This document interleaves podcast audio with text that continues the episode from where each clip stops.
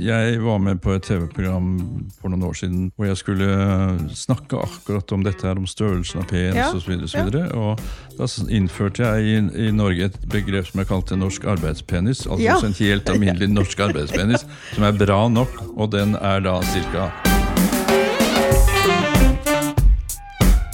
Velkommen til denne episoden av podkasten Sex og sånn. Og i dag er jeg veldig heldig, for i dag har jeg fått med meg Håkon Aars i studio. Og Håkon han er en mann med mye kompetanse. Han er faktisk lege, psykiater, og han er sexolog. Så velkommen til deg, Håkon. Takk skal du ha. Mm. Jeg er så spent på eh, hva mer jeg skal klare å få til gjennom denne samtalen, og jeg gleder meg så til at studentene på eh, Universitetet i Agder skal få litt mer kunnskap om gutter og menn sin seksualitet. Så jeg treffer jo en del gutter som kommer til samtale eh, hos meg på kontoret. Du har mange års erfaring å jobbe med gutter og seksualitet. Hvilke problemstillinger er det som går igjen? Ja, hva skal jeg si? Det alt mulig, på en måte. Det er klart, det er jo litt for, i forhold til hvilken alder vi snakker om. Ja, Men uh, det er klart at uh, det, er- det går på dette med prestasjon, det går på rolle som gutt, som kommende mann, det går på dette med rent seksuelle ting, dette med problemet med eh, ja, altså Det er sånn som jeg også får eh, på, min, eh, på mitt kontor. Veldig mange som er opptatt av størrelsen på tissen sin, på Ja. penis. eh, De er opptatt av hvordan de skal fungere, de er opptatt av om de, liksom, hvordan de er, hvordan de, på alle, ja, alt mulig, på en måte, egentlig. Men så klart at de er veldig opptatt av oss når de kommer til deg, sannsynligvis, Mm. og spørre mer om seksuell helse, for det er jo en ting som man i grunnen ikke snakker om andre steder. I hvert fall ikke på skolen. Nei. Nei. Jeg, jeg opplever jo egentlig Eller en har jo sånn tanke om at unge mennesker kan snakke om alt, og at det er veldig mye kunnskap der ute. Men jeg opplever jo at eh, det, egentlig, det står egentlig litt dårlig til. Ja, du vet at uh, seksuell helse eller seksualitet er jo fortsatt uh, det mest tabulagte man kan Ja. snakke om. Ja. Fortsatt. Og jeg har liksom tenkt eh, hva er det, hvor, hvor får unge gutter, unge menn, informasjon? Mm. Ja, altså, Noen er heldige og har noen foreldre, er litt heldige med sine foreldre. Men det Ja. veldig mange er ikke det, i forhold til at de ikke snakker om seksualitet. Nei. Så hvem snakker de med? Jo, de snakker med kompiser og venner. Og der er alltid, går jo samtalen mer på prestasjon og hva de har fått til. Og skry, kanskje litt skryt, og ikke fullt så mye hva de ikke får til. Så de, det er mange som går rundt og tenker at de, alle de andre er mye bedre, alle de andre er større tiss, og alle de andre er, har vært sammen med jenter eller vært sammen med partner, og allerede på vei og debutert. Og så er det veldig mange som da ikke har det. Og så er det Masse spørsmål rundt dette med onani, som som kanskje er det mest tabelagte av alle temaer. Og så er det jo en del som faktisk etter hvert begynner nå å bli I og med at det, det er kommet mer åpenhet rundt det å være homofil, så er det mange som er begynt å kjenne på andre følelser, kanskje ikke så mye i Ja. forhold til jenter, men de er, plutselig begynner å kjenne på at de er interessert i andre gutter. Ja. Og så er det jo en, enda en gruppe av unge menn som tenker at nei, jeg er jo min kropp, jeg, altså jeg er i feil kropp på en måte. Jeg, egentlig så lurer jeg på om jeg er jente. Altså hele dette spennet her, som Ja. det er veldig stort. Men poenget er at eh, det er jo veldig lite informasjon, og i hvert fall veldig dårlig med undervisning på skolene. fordi det er det. Altså Det er jo en eller annen som har fått i oppgave å komme inn og snakke om seksualitet, og da blir han som skal gjøre det, blir syk, selvfølgelig, og så kommer en vikar, og så kommer han inn, eller hun inn, og så har de med seg en, en plastpenis og noen kondomer, og så trer de på det og skal vise og snakker om alt som er gærent, eller kan bli galt, men de snakker ikke om alt det gode og fine. ja. Ja. Så hva opplever du at gutter har mest glede av når det gjelder seksualitet? I opplevelsen sjøl, når de kommer og forteller også noen sånne gode historier. Ja, for det gjør de jo. Ja. ikke sant? De har hatt gode historier også. Og det dreier seg jo ofte om at de, altså det dreier seg om dette å bli forelsket. Ja. Det, det dreier seg om dette er å liksom plutselig oppdage at man blir fryktelig opptatt av et annet menneske, Mm. og gjerne vil være med det mennesket hele tiden. Mm. Og, og ikke minst å kunne prestere seksuelt Mm. når de da har debutert. Mm. Og de har jo mye spørsmål rundt det. Bruk av kondom, eller må- måtte bruke ja, seksuelt overbare sykdom. Ja, altså veldig mye. Alt dette som gir glede. Og alt det som er eh, gledelsesfullt, ja. ja mm. Men alt det som også er problematisk. Fordi det som er greia, er at det er veldig mange gutter som føler at de ikke har noe annet sted å snakke om det. Ja. Ikke sant? Sånn som du har jo en mottakelse hvor folk kan komme til deg og snakke, og det er jo superfint. Men, eh, og det er jo veldig godt at de vet, men det er kanskje veldig mange som ikke vet det, så jeg håper at ved denne samtalen her at flere kan vite om det. At du eksisterer, f.eks. Ja, og det er, jo en, grunn, det er jo litt av dette som er min motivasjon for å lage denne podkasten. Ja. Og jeg er jo så takknemlig for alle de menneskene som vil være med og snakke med meg. For jeg Ja. tenker at eh, dette er noe som jeg brenner for at, eh, Ja, at uh, unge mennesker skal kunne snakke om både det som er gledesfylt med seksualiteten, men også det som er utfordrende. Ja, og du vet at media er jo det er, holdt på å si, jeg er jo mye media selv. Men uh, media er jo sånn at de, henger, de skal helst selge. Og dermed så, skal, så henger de seg opp i alle lidelseshistoriene. De henger opp i alt som er problematisk. Akkurat som når de underviser om dette på skolen, så er det alt det som er problematisk, alt det som er farlig. Så det er så få som snakker om det som er faktisk veldig bra. Ja. Altså alt det gode ved seksualiteten. Varmen, kjærligheten, forelskelsen, ikke minst. Men er det ikke sånn, Håkon, at innenfor spesielle miljøer så forbindes seksualitet fortsatt bare med forplantning? Ja. Ikke sant? Veldig. Og, veldig. og, og mine barn, vet du, jeg har jo tre barn, Jaha. så når jeg begynte på sexologistudiet, så er det liksom sånn Mamma eh, Rødme, rødme. Ja. Eh, Nei, liksom mer sånn Jeg trodde snart du skulle bli pensjonist, sa de. Eh, Nei, det skal jeg ikke bli. Men jeg tror det er noen tanker i samfunnet, jeg vet ikke om du er enig med meg, om at det er liksom to aldersgrupper som ikke har en seksualitet. Ja. Det er de på du og min alder, Ja. og så er det barn. Ja. Det er liksom ei utvalgt gruppe som skal få lov å ha disse gledene. ja da, og så er det veldig mange som, som har fortsatt ganske konservative miljøer. Eh, hvor de tenker at uh, det dreier seg, altså seksualiteten dreier seg om forplantning, som du sier. ikke sant? Det dreier seg om å finne en, eh, en jente, en dame, bli gift med og få barn. Og så er jo da er det bestemødre og bestemødre som er veldig opptatt av å kunne bli bestemødre og be besteforeldre. Og så treffer du selvfølgelig menn som blir forelska i menn. ja, det gjør jeg. Ja.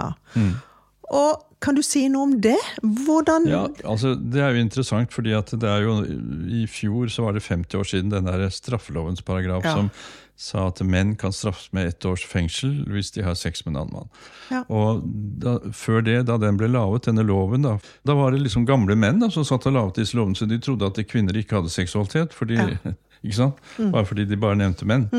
Men eh, det er klart at eh, vi vet jo at eh, Og jeg har vært med på sånne undersøkelser selv, bl.a. med Bente Treen, som, vi, Ja. som dessverre er død, eller døde døde ganske nylig, forsker, at eh, et sted mellom sånn rundt 5-8 av befolkningen er, er skeive. Altså de føler at de, deres seksualitet i alt vesentlig grad dreier seg mot en av samme kjønn.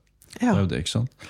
Og det, det samfunnet vi lever i i dag, i hvert fall et mer urbant bysamfunn, hvor det er større åpenhet enn kanskje i små, små trange daler på, på Vestlandet, Sørlandet Eller. Sørlandet, Ja, ja. eller Sørlandet. Bibelbelt, som vi sier. Så er det fortsatt sånne altså er det veldig mye ting rundt dette med å komme ut som skeiv. Fordi det er vanskelig. Det er kulturen, det er religion. ikke sant? Mm. Ja. Det er sånn du skal du, du, det er ikke, Fortsatt så er det slik at det er veldig vanskelig, og du, du søker deg til andre miljøer for å Mm. snakke med andre som deler de samme tingene. Og det er klart, eh, det henger mye igjen fortsatt, selv om i dag så er jo ekteskap mellom likkjønte er helt eh, det samme som mellom mann og dame. ja, det er fantastisk. ja. Så det er jo kommet langt. Ja.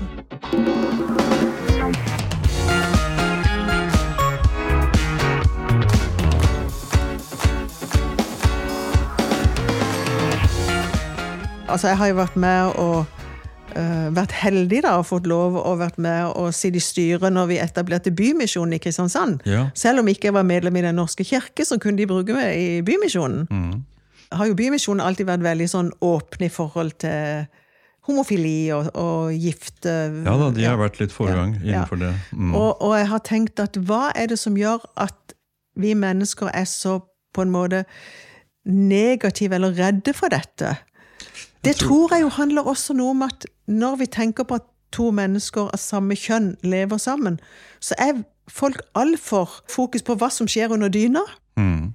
Da glemmer man plutselig at det å høre til, det å være nær, det å være i relasjon, det er svært helsebringende. Veldig. Så glemmer man det, og så tenker man bare på hva skjer under den dyna. Ja. Og så kan man på en måte ikke være med på det. Ja. Og jeg tenker når en ung mann oppdager at det er noe her, jeg blir ikke forelska i ei jente Det må jo være ganske eh, krevende. Litt avhengig, tenker jeg, av hvilken flokk han har rundt seg. Ja, ja, det er helt Hvilken flokk man har rundt seg, hvilken familie man er, hvilke venner man er, hvilket kulturelt miljø man lever i. og det er klart at uh, det, det for, for veldig mange tar det tid, dette Ja. å komme ut prosessen, som vi kaller det. Noen kommer faktisk ikke ut før de, det vi kaller for late bloomers. Det kan være langt opp i 30-årene, 40-årene, til og med folk opp i 60-årene. Ja. Som har vært gift, og som har levet i holdt på å si, litt trange miljøer og aldri turt å gjøre det og tenkt at sånn må det være. Og har fått barn, og så plutselig så, så tenker de at nei, dette orker jeg ikke lenger, og så blir de forelsket i en annen av samme kjønn. Og dette, Det handler jo rett og slett om det å komme ut og oppleve seg selv som annerledes. Fordi de tenker at ja, alle de andre gutta blir forelsket i jenter, og, man, og sånn er det her, og det skal vi, og det skal jeg også. Og så, og så prøver de, da. Og så kjenner de i seg selv at det blir feil, og så blir de kanskje forelsket i en annen gutt. Ja. Og så er det jo igjen dette her å tørre å komme ut, kanskje å ta kontakt med en annen gutt. Så kan det bli avvist. De kan Ja. være heldige å bli møtt, men eh, i og med at den største prosenten jo er av andre gutter er interessert i jenter, så er det jo på en måte Det, det, det handler veldig om det, åpenheten i de miljøene de kommer ut i. Så her er det mye å si om, om der, Derfor er jeg glad for at vi lager den postkassen, slik at vi kan snakke om at dette faktisk er helt naturlig. Like naturlig som å være felles til en jente. Det Ja. er ikke noe forskjell Ja. på det. Og det handler jo, som du sier, om kjærlighet. Det handler jo om nærhet. Det handler om alt det som skjer også over dyna. Det handler jo om dette her å, å kunne bli glad i en annet menneske. Ja, kanskje til og med mest av alt det. For livet er jo Ja. så mye. Ja. Et menneske å reise med, et menneske å gå på kino med, Ja, et menneske å spise et godt måltid mat med, drikke en god vin med.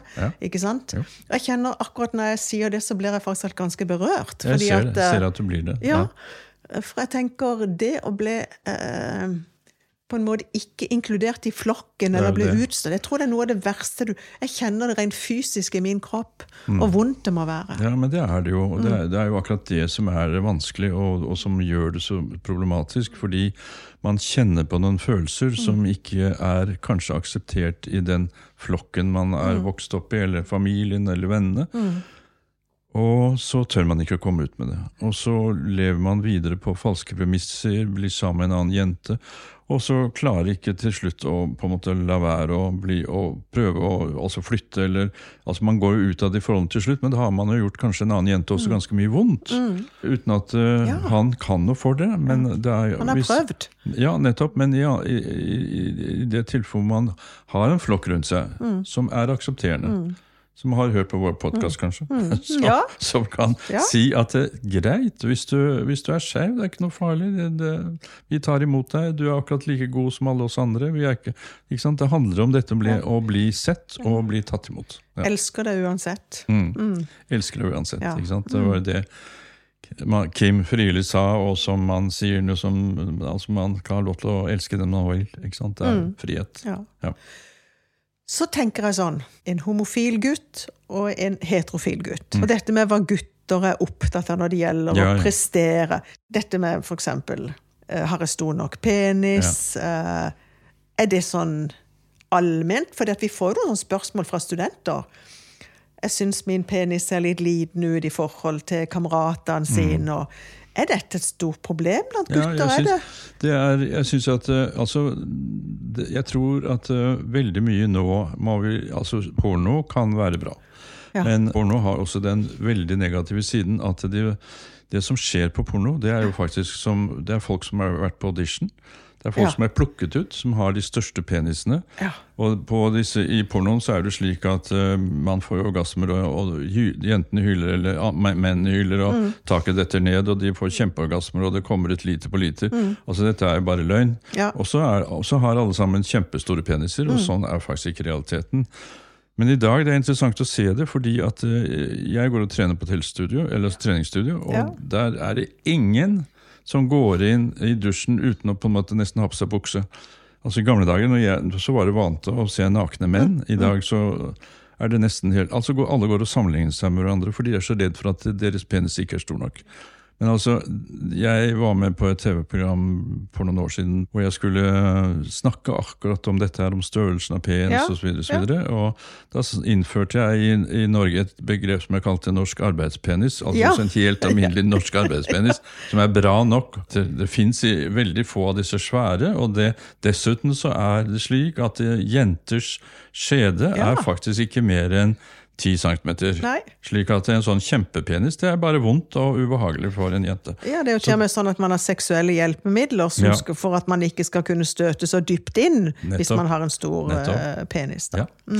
Så denne her greia på at denne penisen skal være så veldig svær, det, det, det, men det, det er akkurat som det er koblet til gjennom pornografien, så er det koblet til maskuliniteten er på en måte størrelsen av penis. Det er helt feil.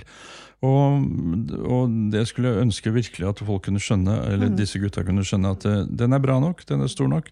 Den skal, det fins noe som heter mikropeniser, men det er veldig, veldig sjelden. Og eh, det er veldig få av det, faktisk. Det er mer kanskje sånn uh... Fordi selv små peniser kan bli store, mens de store ofte ikke blir noe særlig større når det er erigert. Det er det som er greia. Så dette er jo igjen dette med, som du snakket om i stad, dette her å kunne snakke om seksualitet, bli trygg i egen seksualitet. Kunne vite at eh, min penis er akkurat like bra nok, selv om det kanskje ikke er fullt så stor som han som er, står på hjørnet der, eller som han har sett i dusjen på skolen. Men han har like stor sjanse til å treffe en partner, enten det er en annen gutt eller en annen jente. ikke sant? Ja. Men det, kan dette påvirke gutters lyst? Ja, det er klart det gjør det. Ja, Fordi når du, får, når du går rundt og tenker at 'jeg er ikke bra nok', 'jeg er ikke bra nok', Mm. så, så, så, så stenger man jo for lysten. Og dermed så stenger man også for muligheten for å liksom å ta ut sin seksualitet. Og dermed, Mm. når man da eventuelt møter en partner, da. Mm. La oss si at han møter en jente som han blir forelsket i, og som blir forelsket i han. Mm. Og så skal de ha sex. Og så debuterer han da altså Det er jo veldig mange som debuterer litt på sånn nachspiel når foreldrene er bortreist på Kanariøyene og litt for mye alkohol. Ja. Og så ligger de der og så tenker å, nå tror ikke hun at den er bra nok, nå er jeg ikke stor nok, og nå får jeg det ikke helt til. Og så demper jo alle disse signalene lysten, og så blir det mislykket. Og det er jo ikke noe ålreit. Og det er interessant det du sier, for den diskusjonen er også med jenter. Mm. Som forteller at ja, liksom jeg landa på byen, og så Mm. dro jeg med meg en hjem, og så ble det Så sier jeg, men ble det bra, da? Ja. Jeg har nesten til gode at ei av jentene på kontoret har sagt til meg at ja, det ble veldig bra. De fleste sier det var litt kleint fordi vi hadde drukket så mye alkohol. ja, ja, det er klart. Så hvordan påvirker alkohol unge gutters Jo, seksualitet? Fortell. altså faktisk tilbake til Shakespeare, som skrev i Macbeth. Du kjenner jo det skuespillet? Ja, ja. Der skrev, skrev han faktisk i en eh, annen akt at uh, two glass of wine is okay for but, eh, more than two glass of wine destroys the sexuality. Altså Poenget er at eh, en, et glass vin eller et glass øl er ålreit, men blir det for mye, så detter den det, altså Istedenfor å peke mot himmel, som jeg pleier å si, så detter den mot Så jord. går mot jord, ja. Garantert. Ja. Ja. Mm. I dag er det jo ikke uvanlig at eh, gutter bruker, og jentene òg, bruker eh, andre sentralstimulerende midler, som kokain. Har du vært borti det? Hvordan funker det? Altså, disse midlene altså, de kan virke stimulerende sånn til en viss begrenset mengde, Ja. akkurat som alkohol. Ja. Og det er et stort problem i dag, fordi at det er mye rusmidler ute og går. Ja. Det er veldig mye ild som ligger ute på nettet. Mm. Det er veldig mye tilgang på den slags. Og det gjelder også ja, det gjelder veldig mye som ligger på nettet, som, man, som, som påstår at de skal hjelpe på lysten, og såkalt Mm. testosteron-lignende ting, og som er bare, bare dritt. Rett Mm. og slett farlig. Så det med rus er jo et problem, og det er et økende problem. Fordi det er klart at når man går rundt og er usikker på sin egen seksualitet, og så kommer man på et eller annet fest, og så er det en del rus, fins det f.eks. kokain, da, så er det veldig lett å tenke ok, nå tar jeg litt det, så, så slapper jeg litt av, og så er det bra. Og det, det, det gjør man jo til en viss grad, men tar man for mye, så går det absolutt gærent. Altså Da funker ingenting, og så er det jo lett å bli avhengig, selvfølgelig. For Jeg snakka med en ung mann som hadde brukt ganske mye kokain. Og han ble veldig sånn aroused, som Ja, han sa når han tok ja, kokain. ja. Men nå har han så problemer med sin ereksjon at nå hadde han rett og slett problemer med å få reisning. Ja. Så da kom han til meg, og så hadde vi noen prater om det, og det psykologiske. og Jeg tenker Som sexologisk rådgiver så jobber vi jo etter disse modellene, at vi tenker det Det er ikke bare én ting. Det er det sosiale, og det er det fysiske, og det er det psykiske, og vi er et helt menneske, da.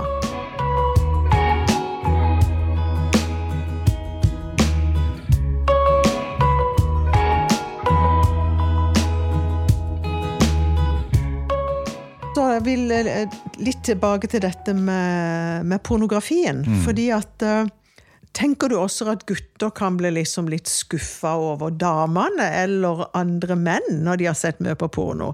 For jeg, altså, Ja. jeg har jo skrevet en oppgave om porno sjøl. Jeg har aldri sett så mye på porno i hele mitt liv som når jeg skrev den oppgaven, og ble jo egentlig litt rysta. Og når jeg da hørte i etterkant om at det tar liksom seks og en halv time å spille inn en pornofilm som varer 15 minutter? Jeg tenker guttas da syn på andre gutter eller på andre jenter med disse såkalte perfekte kroppene. Hva tenker du om det? Jeg tenker at det er veldig trist, altså, fordi det er jo helt klart en trend i samfunnet i dag, og, og jeg ser det også blant ganske unge mennesker, dette med at man skal fikse på utseendet. Ja. Altså, det man ser jo unge mennesker som er så fulle av Botox og fillers og gud veit hva. Og det er veldig trist, fordi at de mister jo hele sin uttrykksform i ansiktet. Det er jo én ting, men de driver jo også og putter inn på puppene. og Jeg går jo på treningsstudio, som sagt, og der ligger de jo og skal løfte vekter, og puppene står rett til vers selv om de ligger ned. Så det er klart, dette er, skaper noe sånn slags kunstig, fordi Ja. det er jo De får jo ikke noe bedre seksualitet av det. Altså, de, de blir jo ikke noe mer egentlig, syns jeg, noe mer attraktive. Det er jo, Dette er det såkalte idealet man skal se ut. Det er jo ikke det som skaper en relasjon. Det er jo ikke det som skaper nærhet, kjærlighet, forelskelse. Man kan jo bli forelsket i et vakkert ansikt eller en vakker kropp. Men eh, så kan, er det jo personen bak det, da. ikke sant? Som, som er, det er personligheten som, som holder det gående, som gjør at det er, det er kos og gøy, og man kniser og fniser og går på kino og går på turer og har det veldig bra. Det er jo det som skaper denne nærheten. Og så er man sammen i senga og har det deilig og koser seg med hverandre, hverandres kropper, og da er det jo, spiller det ikke så innmari mye om det er kjempestore pupper, eller om det er passelige pupper, eller om det er kjempestore penis eller små penis. Altså, det er jo ikke det som teller. Så det er på en måte å få kanskje da spesielt unge mennesker til å forstå dette, og bare For jeg tenker det skaper så utrolig mye stress. Jo, ikke sant? Men det er jo det som er problemet, at i dag så er vi jo omgitt av disse idealiserte kroppene. Det er jo overalt. På alle sosiale plattformer så er det jo det. Og det er, jeg, jeg, jeg syns det er trist, fordi det skaper en sånn ekstrem forventning til hvert individ om at sånn må du se ut, for da skal du få det bra. Ja. Men jeg vet jo som psykiater Ja. og sexolog at bak disse fasadene så befinner det seg ikke så, alltid så veldig lykkelige folk. Nei, ikke sant. Det er faktisk noen som har sagt liksom Hva er det som gjør at du vil lage podkast som er så voksen? liksom? Så tenker jeg jo, det er faktisk òg en dimensjon i dette. Ja. Om at jeg som voksen kvinne, som er både mormor og farmor, er faktisk alt interessert i å snakke om hvordan kan du få en bedre seksualitet. Ja. Med å få kunnskap, og med å på en måte ha åpenhet. Ja. Jeg syns det er vidunderlig når jeg kan snakke med min datter som nå har fått en gutt, som er på tre år. Når vi snakker om, kan si at du her eh, har du en bok om gutters seksualitet. seksualitet. Og jeg ser på en måte òg at de, de, de tåler det. Ikke ja, og sant? det er jo kjempefint Ja. at du er så åpen med din datter. Altså, jeg tenker Det er jo denne åpenheten som er i forhold til unge mennesker og foreldregenerasjon, eller, andre, eller voksne mennesker. rundt seg. Altså, Hvor skal unge mennesker lære f.eks. om det mest intime i hele verden, nemlig seksualitet? Det er jo for folk som har levd en stund. Ja. Og det er jo også en sånn rar ting om at når man er helt ung, så tror man at alle over 30 år ikke har sex lenger. Og Ja, ja, det henger liksom, på det. Alle er ja. eldgamle. Men Det er jo faktisk slik at jeg har jo hatt eh, pasienter Jeg hadde en, en kvinne som kom til meg en gang som, som hadde leddgikt og som var kjempedårlig. Men hun var faktisk over 80 år og hadde truffet en mann og syntes at han var så deilig. Og hun kom til meg og spurte liksom, doktor Aars, hvordan skal jeg gjøre det hvis vi skal gjøre dette her, eh, intime sammen. Ja. Og, og ja, men det vil hun, ikke sant? Altså Seksualiteten er gjennom hele livet. Og den varer hele livet. Den varer faktisk Ja, hele livet, og det skal den. Det er, Det er jo sånn som jeg pleier å si, at vi har jo fysisk helse, vi har psykisk helse, men vi har også en seksuell helse. Mm. Eller har du en bra psykisk helse, har du en bra fysisk helse, så, så er det jo viktig også å ha en bra seksuell helse. Mm. Altså disse tingene henger jo sammen. Og det er jo faktisk også slik at uh, Jeg snakker jo mye med mennesker som også har fått sykdommer. Og jeg Ja. sier at det, man, man er aldri så sjuk at man ikke kan når man har en kjæreste eller partner, Ja. at man ikke kan legge seg ved siden av vedkommende, og at man kan ta på hverandre Ja. og kose med hverandres kropper. For det er jo huden som er det største erotiske organet vi Ja. har. Og eh, det er jo ganske fascinerende. Jeg tenker Hvis både unge gutter og jenter kunne lære mer om erogene soner, tenker jeg. Absolutt. Og Ja, nå ser jeg du tar deg på ja, jeg tar meg på, liksom på låret, ikke sant? Jo, her? men ja, ikke sant, under det er- kneet. Ja, ja, ja. ja, ja, ikke sant da? For, for Mm. noe av det som jeg har gjort meg noen tanker om, som jeg har lyst til å dele med deg, som du kanskje kan si noe om, det er dette med Nå sier jeg unge gutter, Mm. eh, for det er på en måte mange av de jeg treffer. Tenker liksom at vi må liksom ha sex første kvelden. Mm.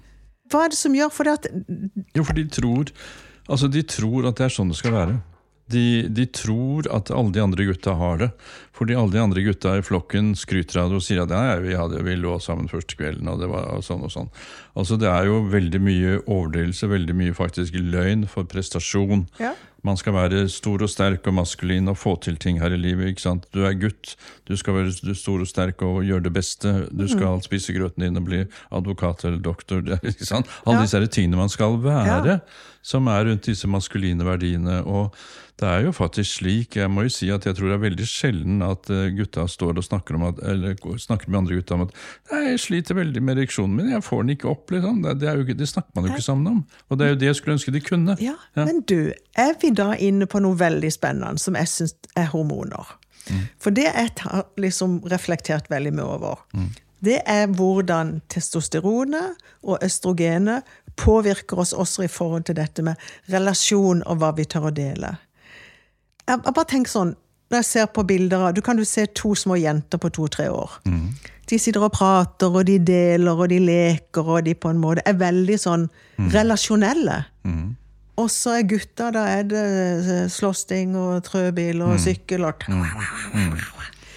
Fordi at Jeg vet ikke hvor jeg har lest eller hørt eller sånn, men det er det hormonelle som gjør at når gutta blir forelska, om de så blir forelska i gutt eller jente, så blir de veldig tilgjengelige emosjonelt for å snakke, være til stede, lytte, og så går det liksom ei stund, og forelskelsen begynner liksom å roe seg litt ned.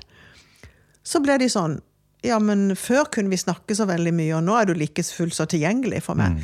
Er det noe med at de er ikke så vant med å dele, og er ikke så Jo, jo. relasjonelle i sin Jo, jo. Natur? Men, men jeg tenker at det har ikke noe med testosteron å gjøre. Jeg tenker Nei. at det er veldig mye Altså, Det kan være, det vet jeg ikke nok om. Nei. Men iallfall så er det jo slik at det, det handler om oppdragelse. Det handler jo om Ja. Altså handler det om mange ting vi kanskje ikke vet. Altså Noe med den derre Hvordan formes maskuliniteten? Hvorfor blir menn annerledes?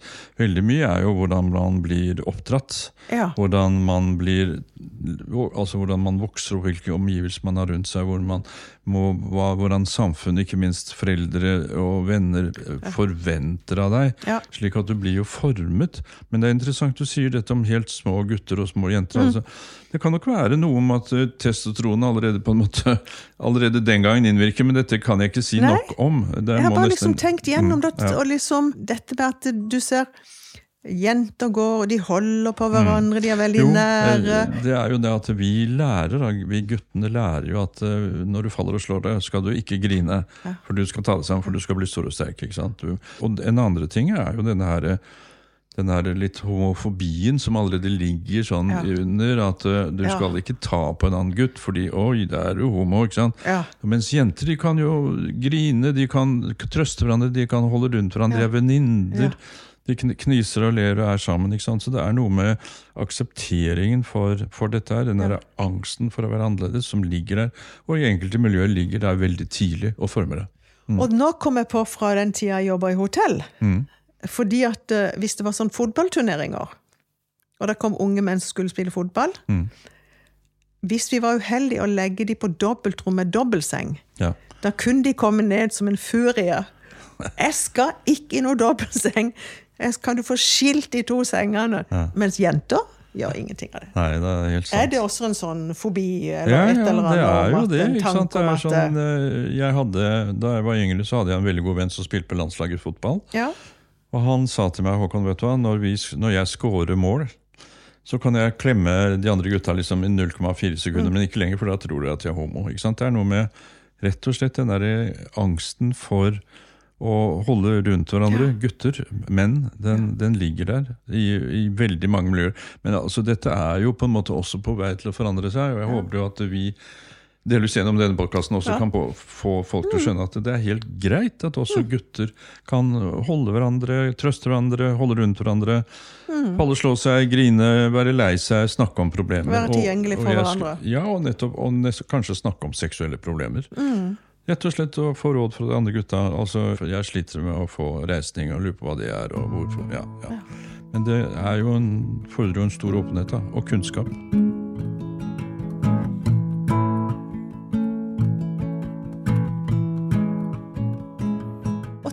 Er er sånn eh, gjennomsnittlig alder for gutter som de debuterer seksuelt. Ja, den Bente Treen, som jo var seksualforsker og professor i dette her, hun har gjort flere sånne seksualvaneundersøkelser og funnet ut at debutalderen er den har nok gått lavere ned etter hvert, men ikke veldig mye. Nei. Sånn 16-17 år. 16-17 år, ja. Mm. ja. Litt tidligere for jenter, faktisk. Akkurat. Mm. Og da kan en jo da tenke Hvor har gutta lært seksualiteten, da? Nettopp. Så har de kanskje sett på porno. ikke sant? Det er der de har lært det. De har akkurat noen Ja. som har snakka med Ja. dem, og så skal de på en måte Ja, altså de ser på porno. Jeg, det er ikke det at jeg ikke Altså jeg vet jo omtrent at 97% av befolkningen ser på Ja, porno. ja, ja. Men, øh, og det er jo, For mange så kan det være greit å kunne se og kunne lære og skjønne, og sånn, men, men porno er jo på en måte en sånn slags over, overdrevet teaterforestilling. Mm. For som jeg sa i stad, folk er faktisk plukket ut. Og de spiller, og de, er, de, plukker, ikke, de plukker ut liksom de mest atletiske mennene, de med de største kroppene, de med de mest ideelle forholdene, for å si det sånn. Og da lager det bilder hos de som ser på det. Som, som det er klart da, Porno generelt eh, trykker nok ned mange også. ikke sant? De, de tenker å, sånn ser ikke jeg ut, og sånn klarer ikke jeg. ikke sant? Ja. Hva tror du gutter har å tjene på rent seksuelt og i forhold til seksuell glede, da? Med å bestemme seg for når de går på byen, at nå skal jeg ikke ta med meg ei jente hjem.